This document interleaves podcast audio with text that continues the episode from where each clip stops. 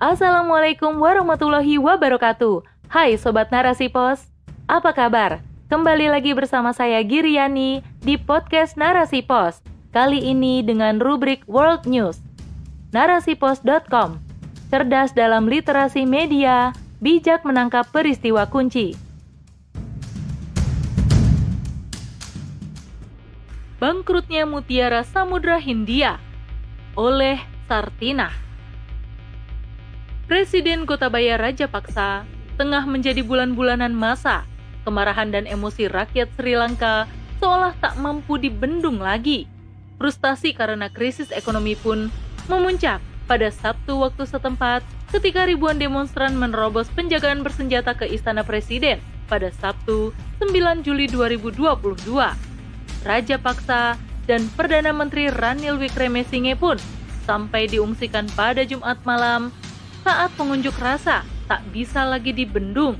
Kediaman Presiden Gotabaya Rajapaksa di daerah Benteng Kolombo pun tak lepas dari amuk masa.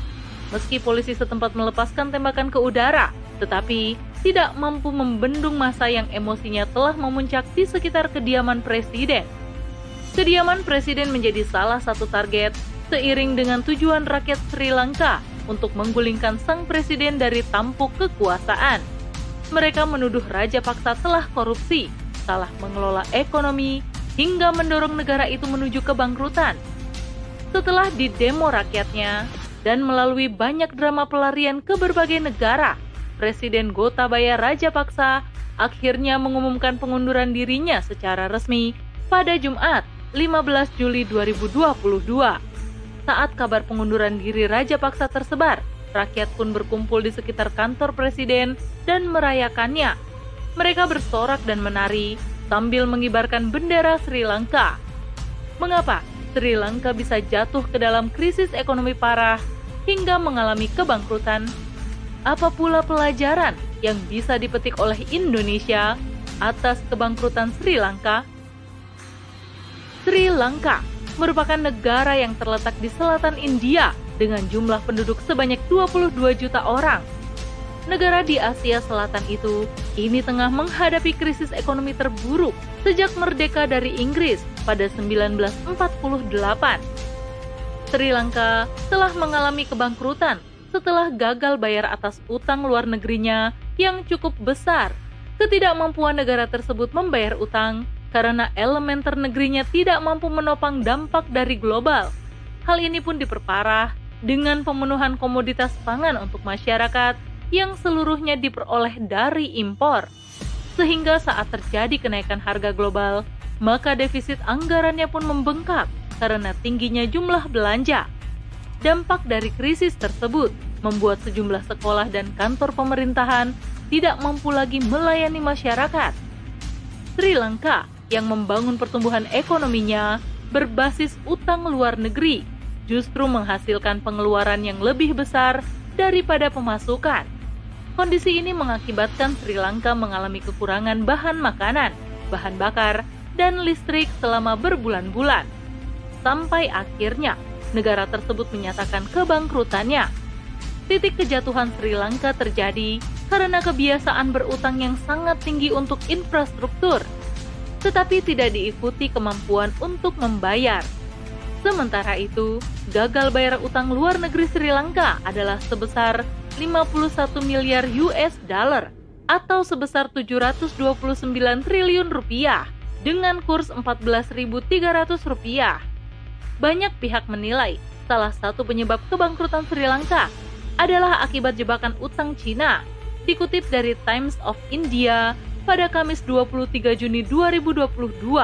Total pinjaman Sri Lanka ke Beijing mencapai 8 miliar US dollar atau setara dengan 114.400 triliun rupiah yang dikucurkan melalui skema Belt and Road Initiative. Jumlah tersebut sekitar 1 per 6 dari total utang luar negerinya. Selain utang, Sri Lanka juga kehilangan pendapatan dari sektor pariwisata akibat terjangan pandemi COVID-19 hingga semakin menambah kolapsnya negara itu. Ditambah pula dengan inflasi yang tinggi akibat hasil pokok negara berupa beras menurun drastis.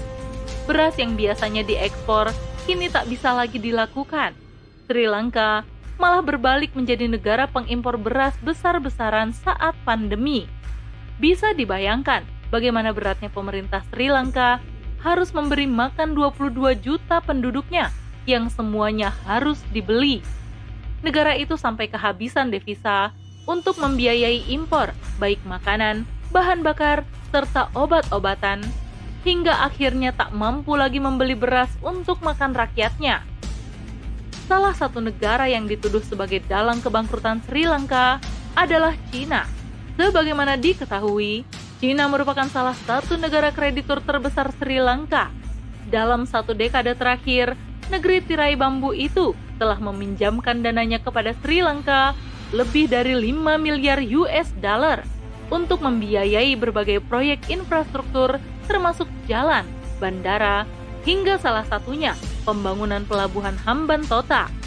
Sayangnya, pembangunan proyek-proyek tersebut justru tidak memberi manfaat secara ekonomi untuk Sri Lanka. R. Ramakumar, seorang profesor ekonomi di Tata Institute of Social Science, menulis di Channel News Asia. Dia menyoroti bahwa jebakan utang Cina bertanggung jawab secara singular atas situasi ekonomi yang mengerikan di Sri Lanka. Dalam laporan tersebut dikatakan, gagal bayar atas pinjaman terkait infrastruktur Cina ke Sri Lanka, terutama disebabkan oleh pembiayaan pelabuhan Hamban Tota yang disebut-sebut berkontribusi terhadap krisis. Diketahui, pembiayaan pembangunan pelabuhan Hamban Tota dilakukan oleh Bank Exim Cina dengan bantuan dana segar sebesar 361 juta US dollar atau sekitar 5 triliun rupiah. Dalam perjalanannya, pelabuhan yang dibangun pada tahun 2008 itu justru mengalami kerugian, sehingga Sri Lanka harus melepaskan dan menyewakannya kepada grup pedagang Cina selama 99 tahun. Mereka membayar kepada Sri Lanka sebesar 1,12 miliar US dollar. Padahal, Hamban Tota merupakan pelabuhan laut dalam utama milik Sri Lanka yang diharapkan mampu membangkitkan ekonomi negara itu. Namun, utang yang menggunung dan utang investasi Cina yang besar untuk membangun pelabuhan ternyata tak bisa dibayar oleh Sri Lanka. Hal ini berakibat pada berpindahnya pengelolaan pelabuhan tersebut. Jika Sri Lanka bangkrut karena dicengkram utang luar negeri, lantas bagaimana nasib Indonesia yang juga terjerat utang ke Cina.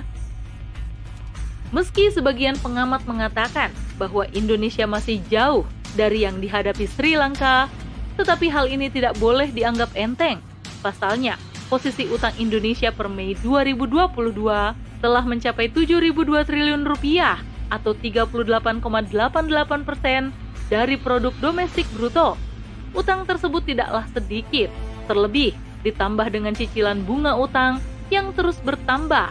Seharusnya kebangkrutan Sri Lanka menjadi pelajaran berharga bagi Indonesia. Sebab Indonesia juga menjadi negara pecandu pinjaman. Bukan tidak mungkin, ke depannya Cina pun akan mengambil alih satu persatu aset negeri ini.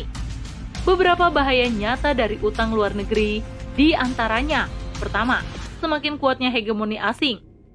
Dalam kamus kapitalisme, berlaku ungkapan, no free lunch, alias tidak ada makan siang gratis.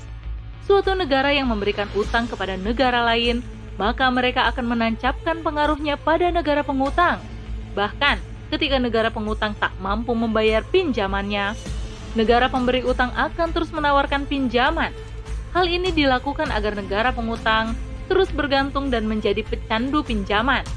Kedua, utang luar negeri adalah alat penjajahan dan penindasan negara asing yang memberikan kucuran dananya dipastikan akan mendikte negara pengutang dengan dikte-dikte politik yang menekan. Utang merupakan awal dari penjarahan dan penjajahan. Seperti diketahui, bunga utang yang lebih tinggi daripada pokoknya memaksa banyak negara untuk menjual aset-aset negara dan mencabut subsidi bagi rakyatnya. Ketiga, menjadi jalan perampokan kekayaan negara, baik sumber daya alam maupun aset-aset strategis lainnya.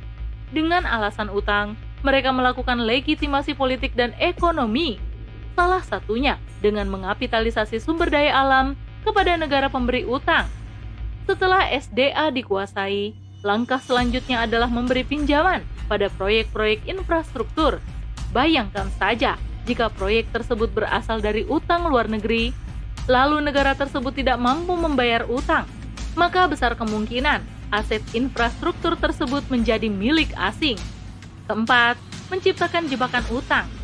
Pinjaman luar negeri yang tidak mampu dibayar, maka negara pengutang akan mencari utang baru guna menutup utang yang lama. Ini seperti gali lubang tutup jurang. Hal inilah yang membuat negara pengutang terjerat dalam lingkaran setan utang dan sulit melepaskan diri. Demikianlah, kesengsaraan hakiki akan menimpa negara mana pun jika masih menggantungkan pembangunan ekonominya dengan basis utang. Meski kondisi krisis akibat utang akan berbeda-beda pada setiap negara, tetapi dampaknya terhadap rakyat sejatinya adalah senada. Utang hanyalah memperkaya negara-negara barat, tetapi mencekik ekonomi negara-negara miskin dan mendorong mereka untuk berutang lebih lanjut. Inilah gambaran sistem kapitalisme yang penuh dengan konsekuensi dan membawa bencana bagi banyak negara. Islam mampu menjawab seluruh persoalan yang melanda dunia, termasuk soal utang luar negeri. Hal ini tidak lepas dari keunggulan sistem ekonomi Islam yang menyandarkan segala sesuatunya berdasarkan syariat Islam. Pasalnya, Islam diturunkan untuk menjadi rahmat bagi seluruh alam, sehingga solusinya pun akan mendatangkan kebaikan bagi manusia. Sistem ekonomi Islam secara tegas menolak bunga dan model pertumbuhan ekonomi yang berbasis utang. Islam juga melarang penimbunan barang dan memonopoli kekayaan, serta mewajibkan distribusi kekayaan yang merata, sehingga semua orang dapat menikmati standar hidup yang lebih berkualitas. Kemudian, yang berikutnya, Islam melarang privatisasi sumber daya alam seperti minyak, gas, dan air, sebab Islam menempatkan aset tersebut sebagai kepemilikan umum, sehingga pendapatan yang dihasilkan dari sumber daya alam harus digunakan untuk seluruh masyarakat. Rasulullah Shallallahu Alaihi Wasallam bersabda dalam hadis yang diriwayatkan oleh Abu Daud dan Ahmad, kaum Muslim berserikat dalam tiga perkara, yaitu padang rumput, air, dan api. Selain itu, Islam juga menolak utang luar negeri. Namun, ketika utang tersebut dilakukan oleh negara dalam bentuk utang luar negeri, maka ini menjadi persoalan yang berbeda. Jika ditelisik lebih mendalam dari kacamata Islam, ada beberapa hal yang merusak terkait utang luar negeri ini. Pertama, utang luar negeri tidak bisa dilepaskan dari riba. Padahal Islam secara tegas telah mengharumkan riba beserta ancaman terhadap mereka yang terkait dengannya. Sebagaimana yang termaktub dalam hadis Al-Hakim Al-Baihaqi dan At-Tobrani. Jika zina dan riba tersebar luas di suatu kampung, maka sungguh mereka telah menghalalkan atas diri mereka sendiri azab Allah. Kedua, utang luar negeri digunakan sebagai bagian dari penjajahan model baru yang merusak kedaulatan negara. Terhadap segala hal berbahaya dan merusak, maka utang luar negeri diharamkan.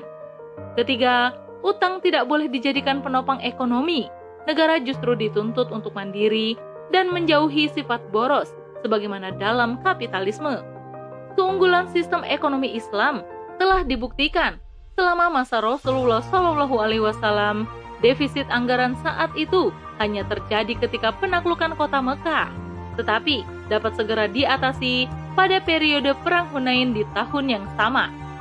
Khotimah, kebangkrutan Sri Lanka hanyalah salah satu contoh kerusakan ekonomi kapitalisme yang semakin tampak.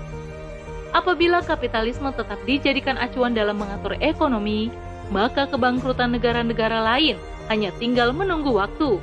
Tunggu, hanya dengan meninggalkan sistem kapitalisme dan kembali pada sistem ekonomi Islam sebagai solusi, negeri-negeri di dunia, termasuk negeri Muslim, mampu keluar dari jerat utang luar negeri. Wallahu a'lam bishawab. Wassalamualaikum warahmatullahi wabarakatuh.